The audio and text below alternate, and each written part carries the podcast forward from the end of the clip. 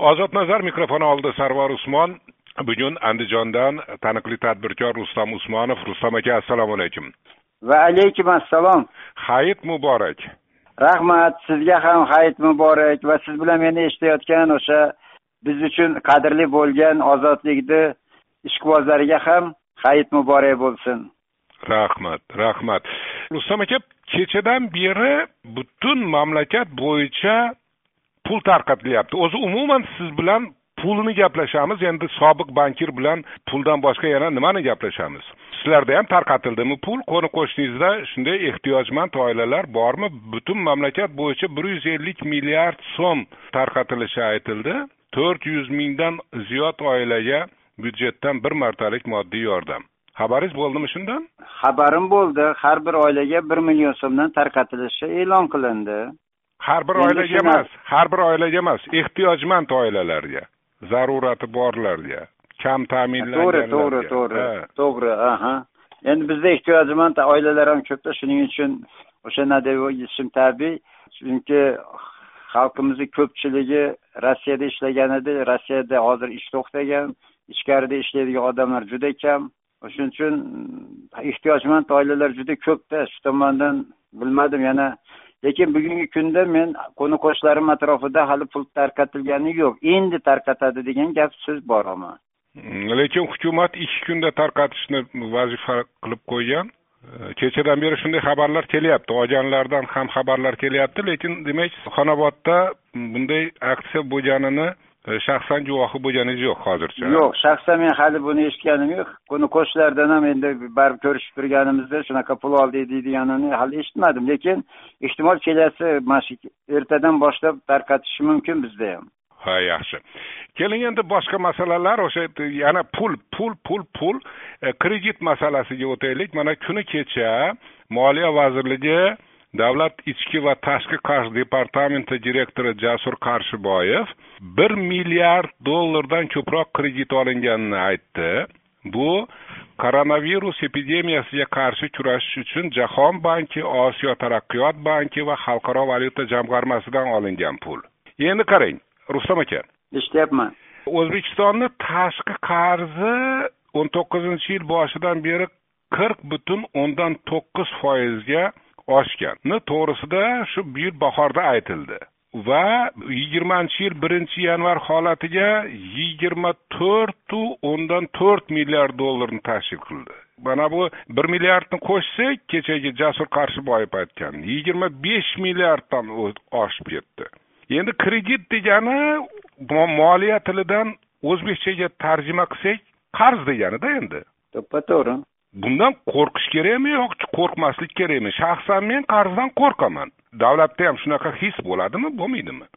Endi bizda davlat deganimizda ham biz o'zbekchilikda haligi davlat tepasida turgan odamlarni tushunmaymizda. Bizda xuddi mavhum davlat o'z o'zidan boshqariladi deb tushuncha bor. Afsuski davlatni boshqaradiganlar siz bilan menga odamlar. Faqat bilan ular o'shanday yuqori darajaga chiqib qolishdi. Ana endi o'zbekistonni olayotgan qarzlari bo'yicha oladigan bo'lsak masalan ikki ming o'n uchinchi yili salkam o'n milliard dollar qarz olingan edi. Ana shuni yuz foiz deb oladigan bo'lsak o'tgan yetti yilni ichida olgan qarzlarimiz ikki butun yuzdan qirq olti marta oshdi ya'ni ikki yuz qirq olti foiz oshdi yetti yilni ichida. Har yili eng kami o'n to'rt o'n besh foiz qarzimiz ko'tarilib boryapti. Hatto keyingi ikki ming o'n yettinchi yili o'n besh foiz bo'ldi.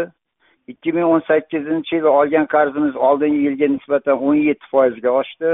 o'n to'qqizinchi yili esa ya'ni to'rtdan birga oshdi.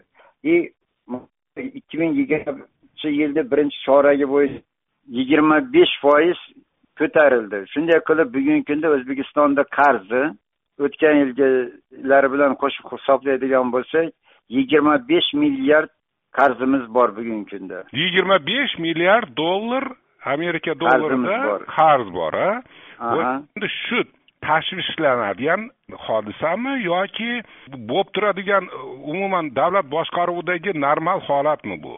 Endi buni normal holat bo'lishi uchun shu olingan qarzlarni yeyish uchun olishimiz kerak emasda ularni ishlab chiqarishga ya'niki ish o'rinlariga e, sarflashimiz kerak yangi yangi ish o'rinlari yaratishimiz kerak. Lekin afsuski biz olgan qarzimizni bir qismini byudjet tashkilotlarini ushlab turish uchun ya'ni qaytib kelmaydigan darajada sarflab qo'yamizda undan keyin yana e, bu oltin zaxiralarimizni sotib uni qarzni to'lashga majbur bo'lamiz. Bugungi kunda men bu qarzlarni olgan qarzlarimizni qanchasi qaysi sohaga sarflangani haqida ma'lumotlarim yo'q. Lekin ishonamanki ну bir qismini baribir o'sha ayrim odamlar o'zaro bo'lib olishlariga bu shak shubha yo'q. Lekin ko'pchilik qismini xudo tepada ko'rib turgan bo'lsa kerak aholini bandligini ta'minlash uchun sarflayapti deb umid qilaman.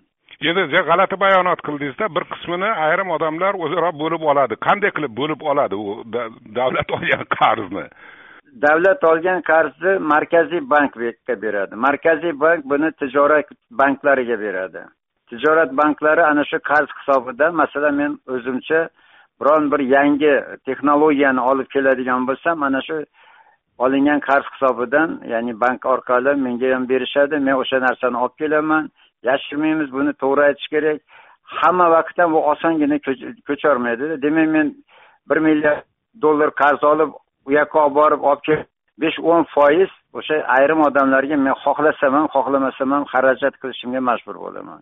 Ana shu xarajatlar me'yordan oshib ketsa men bankrot bo'lsam demak o'sha qarz qaytmay qoladi. Unda hukumat qaytarishga majbur bo'ladi meni qarzimni o'zbekistonni endi to'g'ri endi byudjeti ham o'zi kichkinayu olgan qarzi bu yigirma besh milliard bu katta pulga o'xshamaydi hamda lekin baribir shu qarz haqida ancha muncha o'qib qolyapman. Ba'zilar juda tashvish qilyaptida nima uchun tashvish qilishyapti?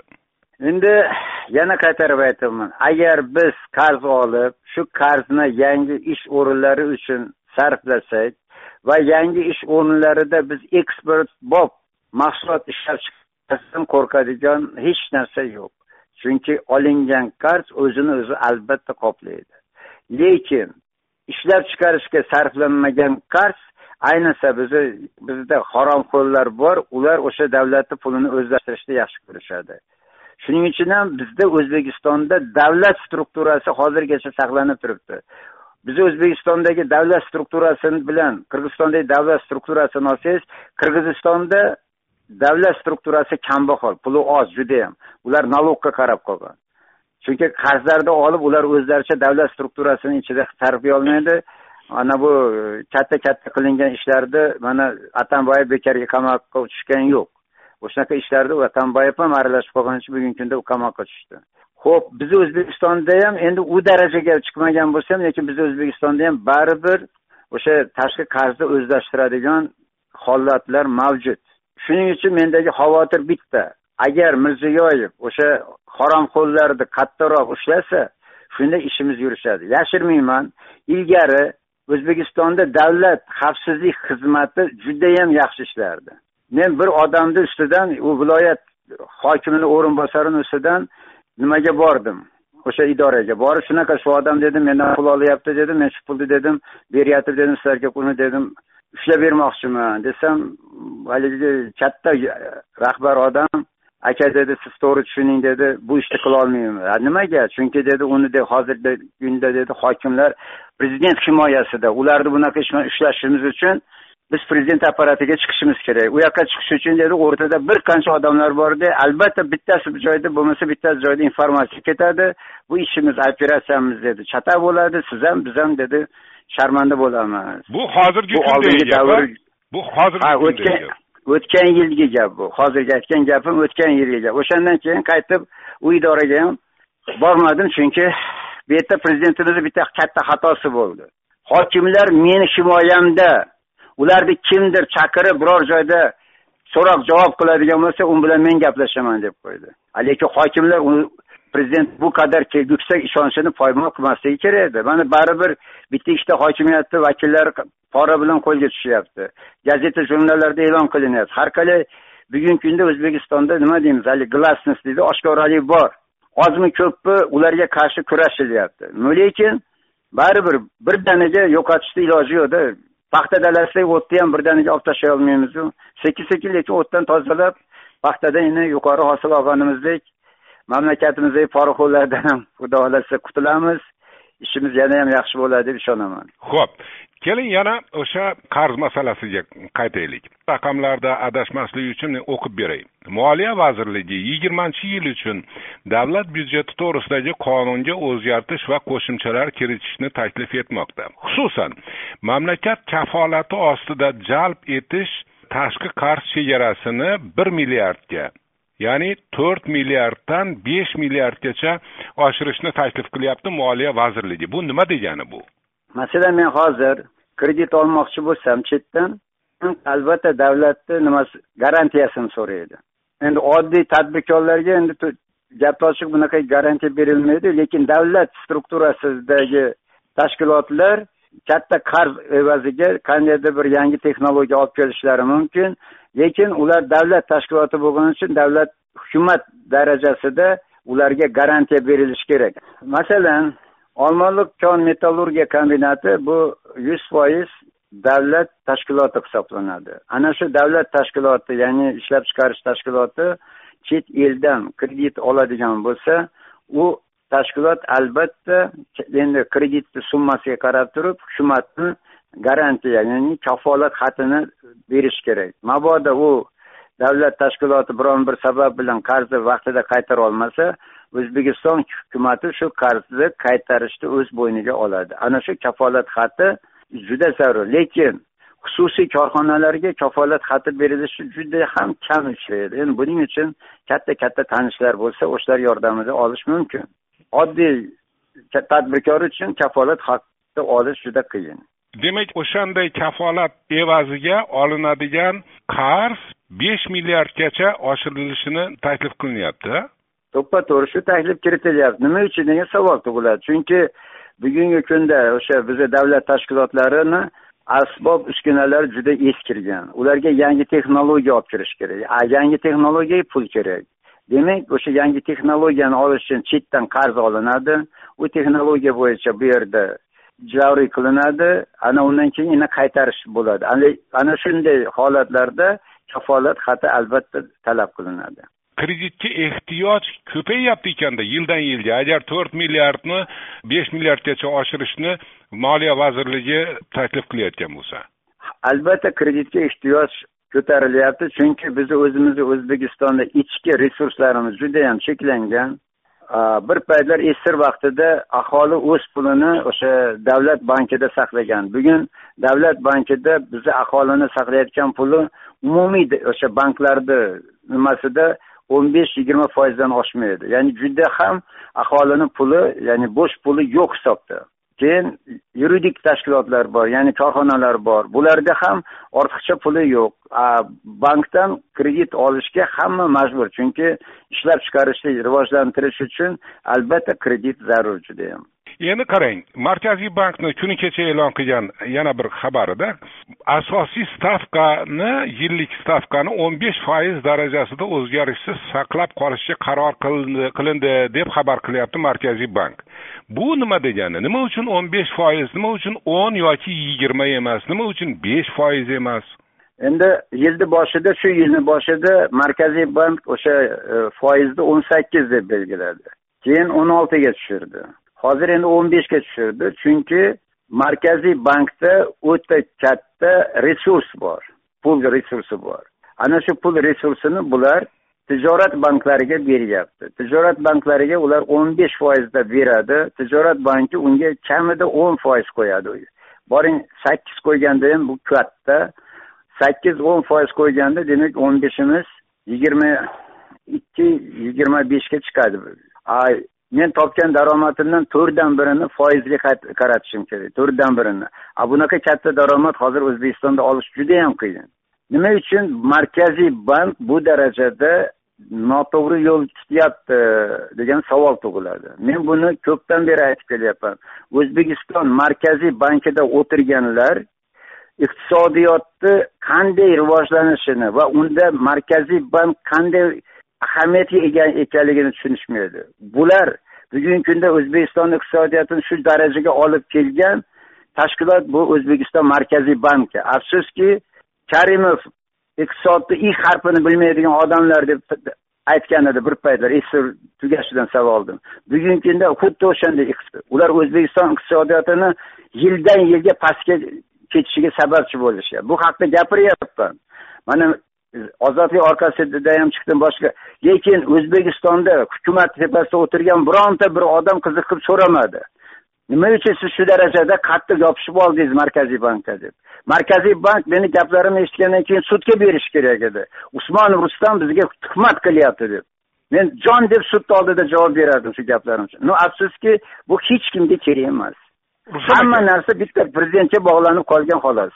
Rustam aka markaziy bank o'n besh foiz darajasida asosiy yillik stavkani saqlab qolishi aytaylik oddiygina ipoteka kreditiga qanday ta'sir qiladi? Ipoteka kreditiga juda katta ta'sir qiladi. Xo'sh qanday? Turgan yerlarim bor. Shu bo'sh turgan yerlarimga o'zimni xodimlariga xodimlarimga ipoteka kredit olib uy qurib bermoqchiman. Yigirma foiz ipoteka krediti uchun yigirma foiz menga berishyapti. Tasavvur qiling bu yigirma foizlik ipoteka kreditini qanday qilib qaytaradi? Har yili beshdan biri besh yilda men uyni qaytarib olishim kerak. Bu yerda yigirma yil davomida besh martadan bular o'sha uyni pulini chiqarib olishyapti. Yo'q o'sha o'sha yigirma foiz qanday shakllanadi? o'n besh foiz markaziy bankniki besh foiz tijorat bankinikimi? Tijorat bankiniki to'ppa to'g'ri endi qarang pragadagi ahvolni bilaman hamkasblarim ipoteka krediti olgan ikki foizni atrofidada ikki foizni atrofida. Bu yerda nimaga unday? Aytyapmanku bu qilinayotgan ishlar markaziy bankni ishi. Markaziy bank masalan chetdan olayotgan kreditlarni hammasiga bir ikki foiz to'laydi xolos chetdan olayotgan. Endi o'sha chetdan olayotgan kreditlarni hisobiga o'zini kreditniy resursini e, shakllantiradi. Ana shu joyda markaziy bank o'ziga o'zi o'n besh foiz qo'yib olib u nima desa bo'ladi? Lekin daromad olib yotibdida pul ishlayapti. ha bo'pti. Tushunarli. Keling endi boshqa mavzu. Rustam aka siz ham soliq to'lovchimisiz? Yo'q men bugun soliq to'lovchi emasman. Men pensionerman lekin pensiya ham olmayman soliqchilardan xatlar kelyaptida. Keling o'qib beray. Faqat tumanini aytmayman chunki qo'shimcha o'rganganimiz yo'q. Ular hujjatlari bilan jo'natishdi. Andijon viloyat falon tuman davlat soliq inspeksiyasidan yozyapmiz. Prezidentimiz pandemiya paytida aholiga tadbirkorlarga soliq imtiyozlari bermoqda. Lekin soliq idorasi rahbarlari o'zini o'ylab kunda plan beryapti. Planni qilmaganlarni ishdan haydash bilan qo'rqitib majburan soliq yig'imlarini yig'dirmoqda. Ertalab yig'ilish kechqurunda yig'ilish rahbarlarni ham ish uslubini o'zgartirmasa bo'lmaydi. O'zini uyida ishlatayotgandek rejani qilmaganni yo'qolib ket deb po'pisa ham qilishadi. deyapti va o'sha telegramdan o'zlarini telegram kanalidan jo'natilgan o'sha tahdidlarni ham skrinshotlarini jo'natdi. Qarangda karantin sharoiti bo'lsa bir tomondan e, ishlamayotgan bo'lsa ikkinchi tomondan chindan ham prezident imtiyozlarni bergan bo'lsa nima uchun soliqchilarga bu qadar zug'um rahbariyati tomonidan? Men shuni tushunmadim. Buni tushunish juda yam oson. Ayting soliqchidan bugungi kunda mana bizni xonobodni hokimi pul talab qiladi. Kimlarga birinchi navbatda e, meditsina xodimlariga tibbiyot xodimlarini ish haqini to'lash kerak. Undan tashqari endi hozir mana o'qituvchilarimiz o'ttizgada lekin ertaga ularga ham to'lanadi. Keyin boshqa mana bu ishlayotgan o'sha davlat xizmatida ishlayotgan odamlarni ish haqi soliq hisobidan shakllanadi. Soliq tushmasa o'sha ishlayotgan odamlar qayerdan ish haqi oladi? Masalan hokim ham ishsiz haligi soliq tushmasa hokim ham oylik ololmaydi. Mana agar haqiqatga qarasa. Demak nima bo'ladi? Hokim o'zini qo'lida ishlayotgan soliqchini chaqirib boshlig'i chaqir davay menga pul top oylik to'lashim kerak dedi. A soliqchi aytadi yo'q iloji yo'q prezident mana bunaqa qaror chiqargan. E men uni bilmayman deydi menga qanday qilasan pul topasan deb talab qiladi. Qarz ikki qo'ldan chiqadi. Biz uni tutmayapmiz prezident o'sha gaplarni aytyapti prezident o'sha gaplarga yarasha mana o'zingiz aytdingiz mana shu pandemiya munosabati bilan olingan qarz bir milliard dollar bo'ldi. Ana shu bir milliard dollarni hisobidan mana shunaqa harakatlarni ham qoplash kerak edi. Afsuski bizdagilar chap qo'l nima ish qilyapti o'ng qo'l bilmaydi. Xuddi shuni xuddi shu obraz bilan so'ramoqchi edim. Chap qo'l qilayotganini o'ng qo'l bilmayaptimi? Masalan Bilmayapti. imtiyoz berar ekan o'sha e, soliq yig'ish bo'yicha bir rejasi bor. O'sha rejadan qandaydir bir kesib tashlamaydimi? Mana mana bular hisobiga ozroq e, yig'iladi soliq deb. Ana endi bu masalada o'zimizni haligi noroziligimizni moliya vazirligiga berishimiz kerak. Moliya vazirligini ishi bu. Demak o'sha prezidentni farmoniga ular haligi viza qo'yayotgan paytda prezidentni aytgan o'sha e, imtiyozlarini amalga oshirish uchun o'sha soliq sistemasiga tushmagan pulni budjetdan topib berish kerak.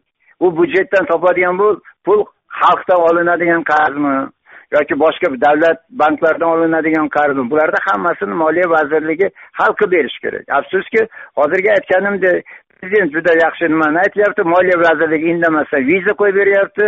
Ya'ni jon kuydirib ishlaydigan odam yo'q deydi meni nazarimda o'zbekistonda. Tamom andijon viloyatidan taniqli tadbirkor rustam usmonov edi. Rahmat sizga. Ho'p sizlarga ham katta rahmat.